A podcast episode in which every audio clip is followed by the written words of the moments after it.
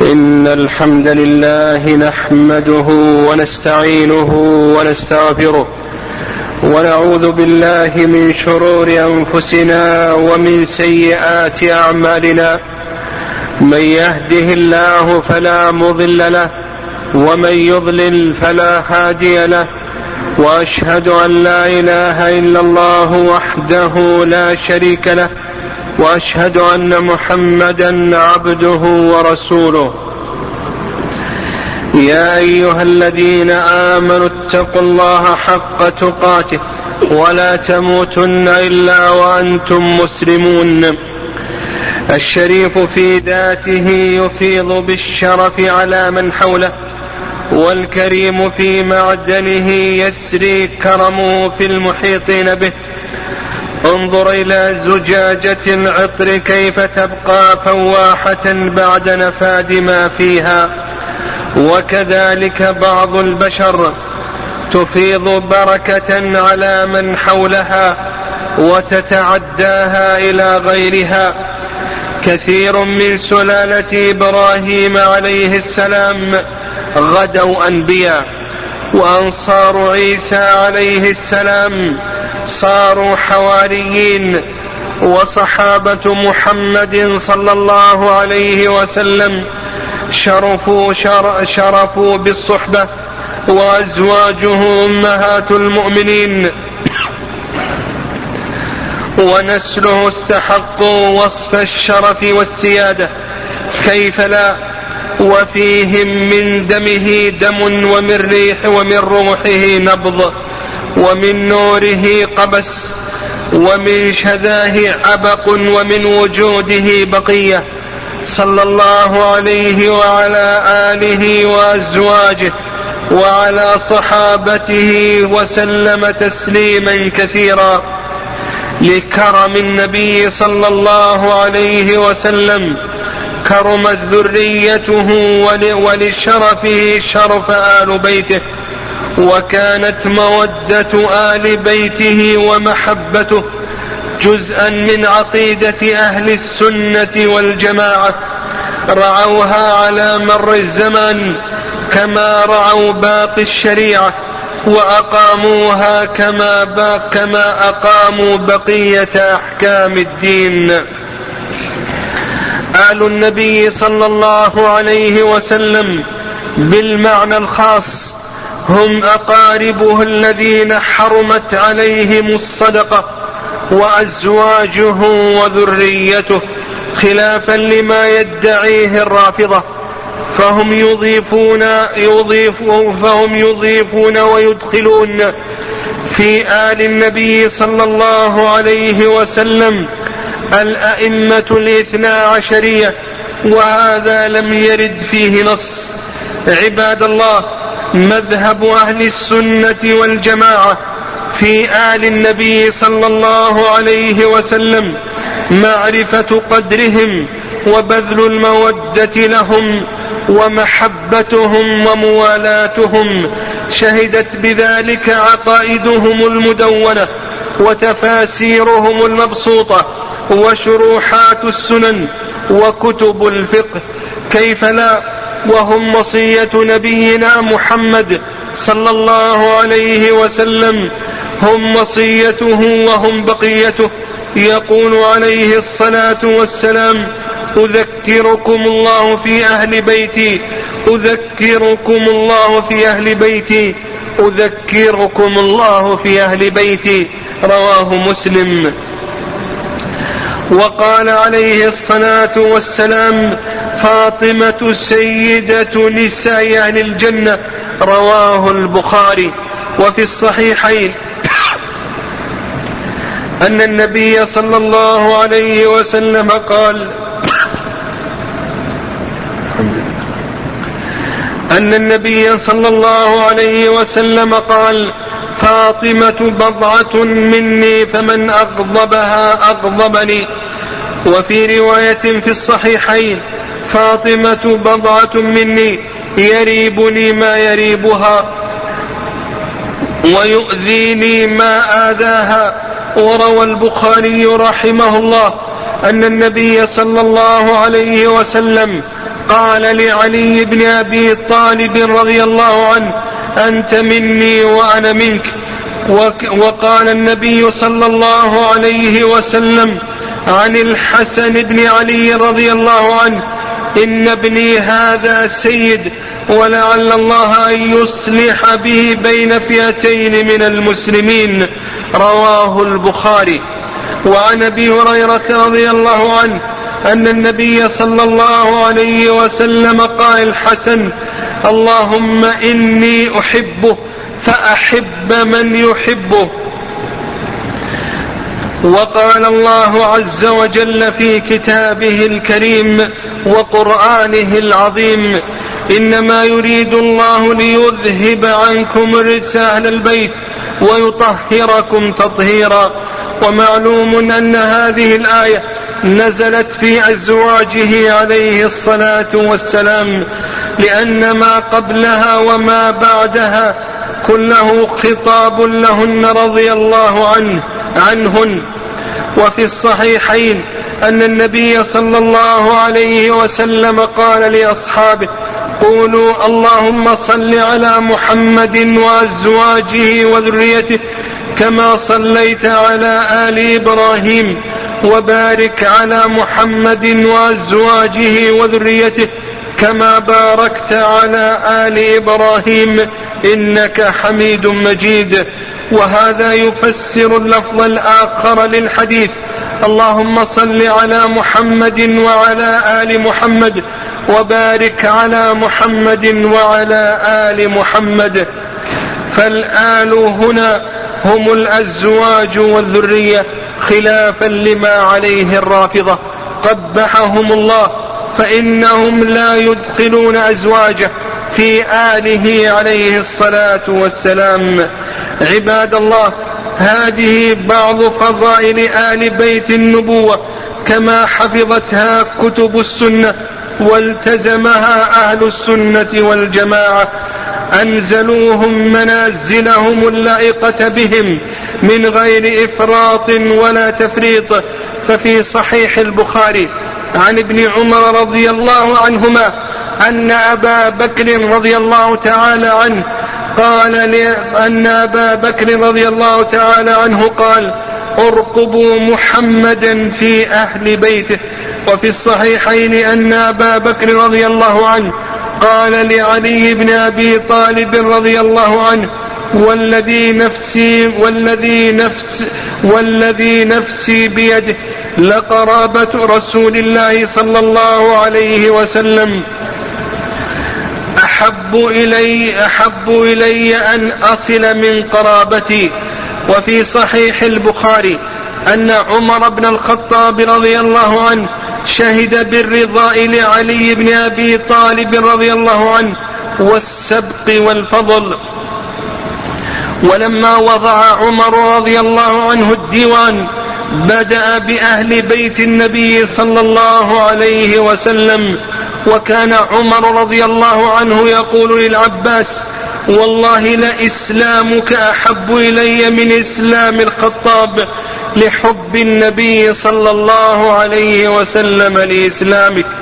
كما استسقى عمر رضي الله عنه بدعاء الخطاب بدعاء العباس وأكرم رضي الله عنه عبد الله بن العباس وأدخله مع الأشياق.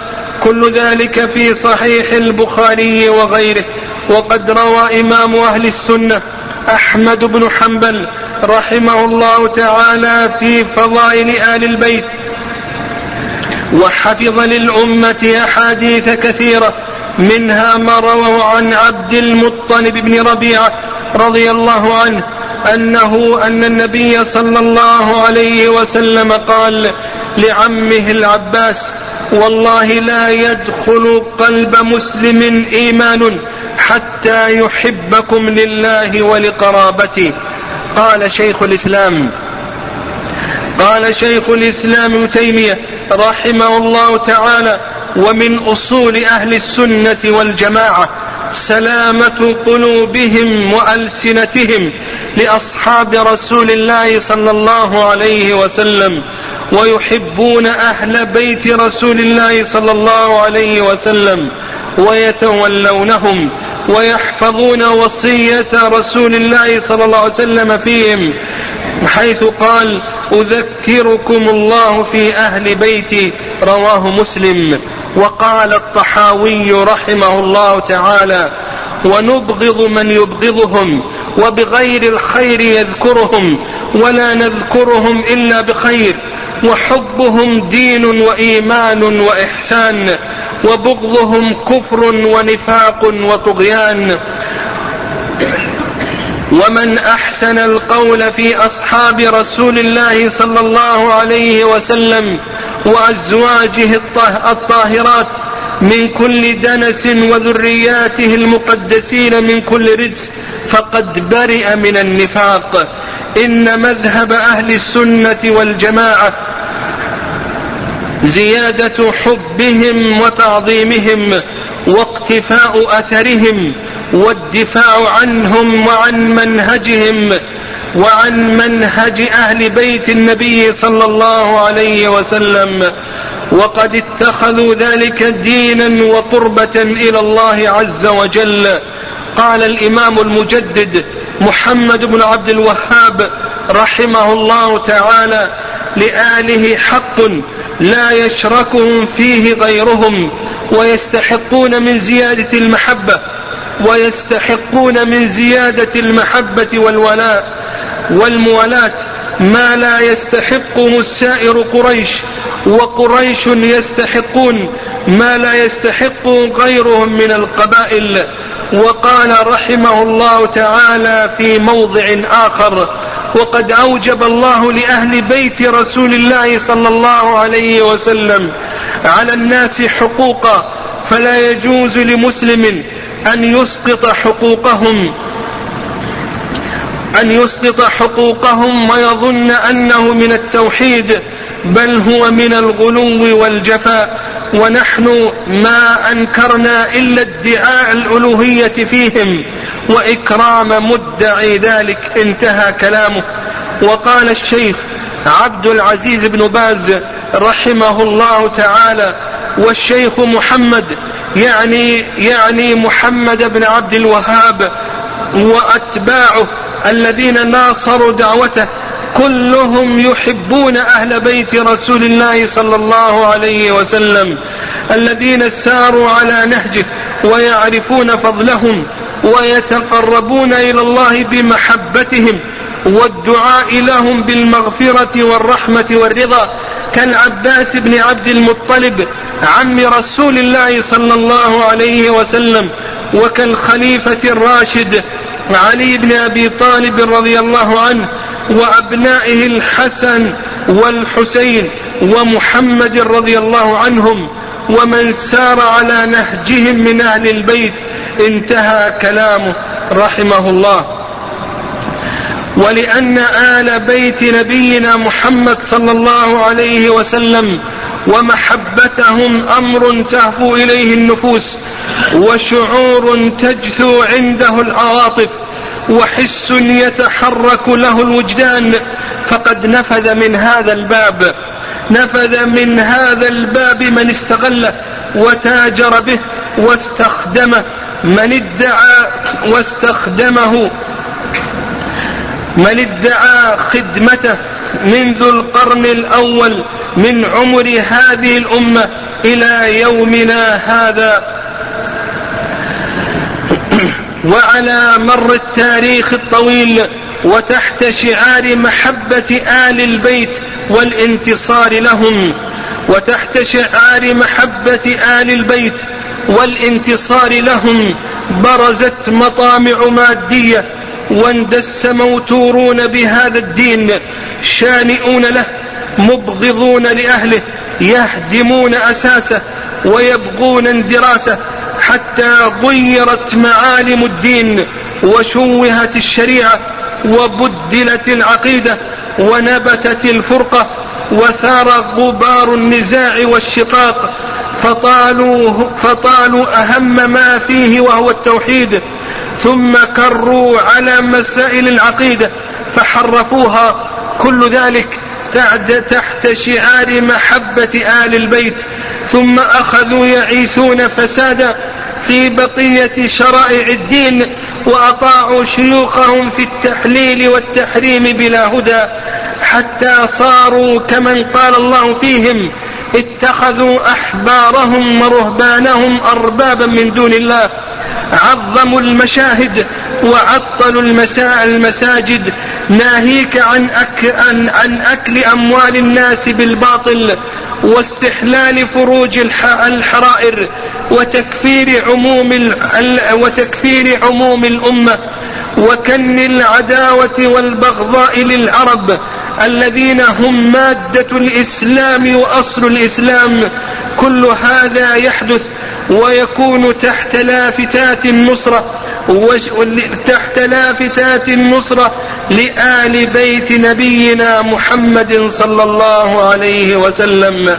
وآل البيت بريئون من أعمالهم وعقائدهم اللهم صل على محمد وعلى آل محمد كما صليت على إبراهيم وعلى آل إبراهيم إنك حميد مجيد وبارك على محمد وعلى آل محمد كما باركت على إبراهيم وعلى آل إبراهيم إنك حميد مجيد.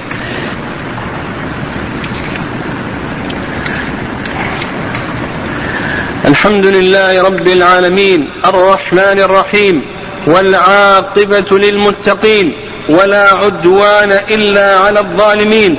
اللهم صل وسلم وبارك على نبينا محمد وعلى آله وأصحابه. عباد الله ولآل بيت محمد صلى الله عليه وسلم حقوق أجملها بما يلي.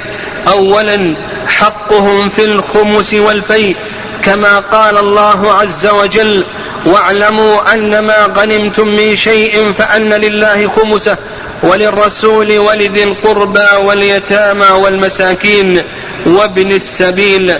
قال شيخ الإسلام ابن تيمية رحمه الله تعالى فآل بيت النبي صلى الله عليه وسلم لهم من الحقوق ما يجب رعايتها فإن الله جعل لهم حقا في الخمس والفيء وأمر بالصلاة عليهم مع الصلاة على رسوله صلى الله عليه وسلم. لكن ذكر شيخ الإسلام رحمه الله تعالى أن آل بيت النبي صلى الله عليه وسلم إذا حرموا من الخمس والفيء وانقطع ذلك عنهم فإنه يجوز لهم أن يأخذوا الصدقة.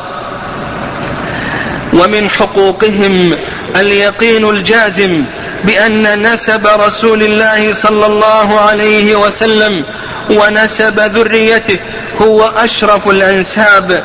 قال النبي صلى الله عليه وسلم إن الله اصطفى بني إسماعيل إن الله اصطفاني من بني إسماعيل. واصطفى من إن الله اصطفى بني إسماعيل. واصطفاني من بني إسماعيل. إن الله اصطفى إن الله اصطفى بني إسماعيل. واصطفى من بني إسماعيل كنانة. واصطفى من كنانة قريشا. واصطفى من قريش بني هاشم. واصطفاني من بني هاشم. وأيضا من حقوقهم. تحريم الزكاة عليهم وذلك لكرامتهم وتنزيههم عن الأوساخ.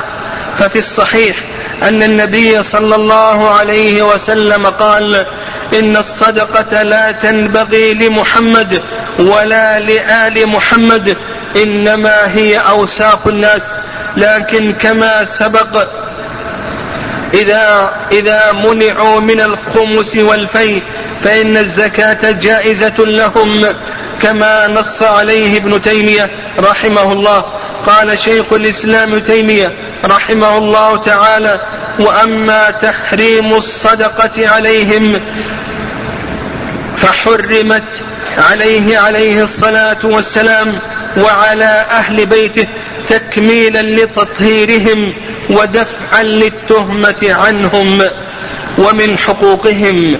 زيادة محبتهم ومودتهم ونصرتهم.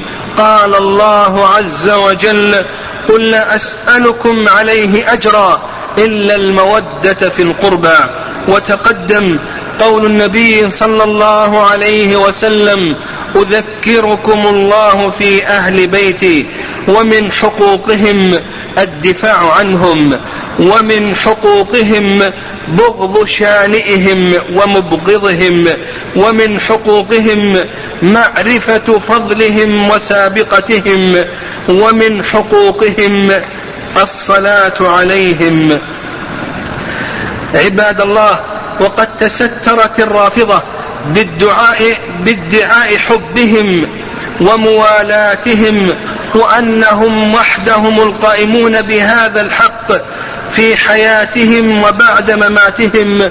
وأما سائر المسلمين فإنهم يعادون الال البيت ويكرهونهم. وبالغوا قبحهم الله في ذلك مبالغة واسعة. كان لها أثرها في القديم والحديث. وربوا أتباعهم وأولادهم على ذلك. ثم قالوا في حب علي في حب علي رضي الله عنه حتى حتى جعل له شيئا من الألوهية طائفة منهم كما أنهم بالغوا في كراهية من سواهم من صحابة رسول الله صلى الله عليه وسلم.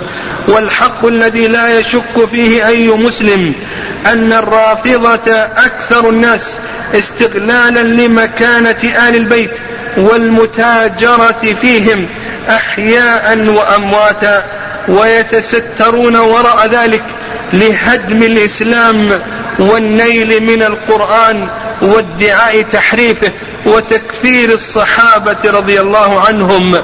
وهم كما ذكر ابن الجوزي رحمه الله تعالى أنهم كالقرامطة فإن القرامطة لما أرادوا الدخول على الناس وأرادوا تقرير مذهبهم دخلوا على الناس من من باب محبة آل بيت النبي صلى الله عليه وسلم. ثم بعد ذلك يغرسون في عقول أتباعهم أن أغلب آل أن أغلب آل البيت كفار. فإذا سئلوا ما الدين الصحيح قالوا ما عليه الحكماء ويقصدون بذلك ما, ما يقصدون بذلك ويقصدون بذلك مذهب الفلاسفة إخوان الصفا الذي هو مذهبهم والذي هو كفر بواح. فأهل السنة والجماعة ولله الحمد وسط في آل بيت النبي صلى الله عليه وسلم بين الناصبة الذين ينصبونهم العدى وبين الرافضة الذين يغلون فيهم. بل يعرفون لهم حقوقهم التي تقدمت. ويؤمنون ويؤمنون بالله عز وجل ويعتقدون ذلك شريعة يدينون الله عز وجل بامتثاله. اللهم إنا نسألك محبتك ومحبة نبيك محمد صلى الله عليه وسلم ومحبة آل بيته. اللهم إنا نؤمن بحبك وحب نبيك محمد صلى الله عليه وسلم وحب آل بيته. اللهم صل وسلم وبارك على نبينا محمد وعلى آله وأصحابه ومن تبعهم بإحسان إلى يوم الدين. اللهم أعز الإسلام والمسلمين وأذل الشرك والمشركين. اللهم عليك بأعداء الدين. اللهم عليك باليهود الظالمين. والنصارى الحاقدين. اللهم شتت شملهم وفرق جمعهم واجعل اللهم الدائرة عليهم. اللهم انصر عبادك الموحدين. اللهم اللهم انصر عبادك الموحدين. اللهم آمنا في أوطاننا وأصلح أئمتنا وولاة أمورنا. اللهم اجعلهم محكمين لكتابك. وسنة رسولك محمد صلى الله عليه وسلم. آمرين بالمعروف ناهين عن المنكر. يا ذا الجلال والإكرام. اللهم من أرادنا أو أراد الإسلام والمسلمين بسوء فأشغله بنفسه ورد كيده في نحره واجعل اللهم تدميره في تدبيره واجعل اللهم الدائرة عليه. اللهم فرج كرب المكروبين ونفس حسرة المعسرين واقض الدين عن المدينين. اللهم اشف مرضى المسلمين. اللهم اشف مرضى المسلمين. اللهم اجعل ما أصابهم كفارة لسيئاتهم ورفعة لدرجاتهم. اللهم فك أسر المأسورين. اللهم فك أسر المأسورين. اللهم ردهم إلى بلادهم. سالمين غانمين. يا أرحم الراحمين.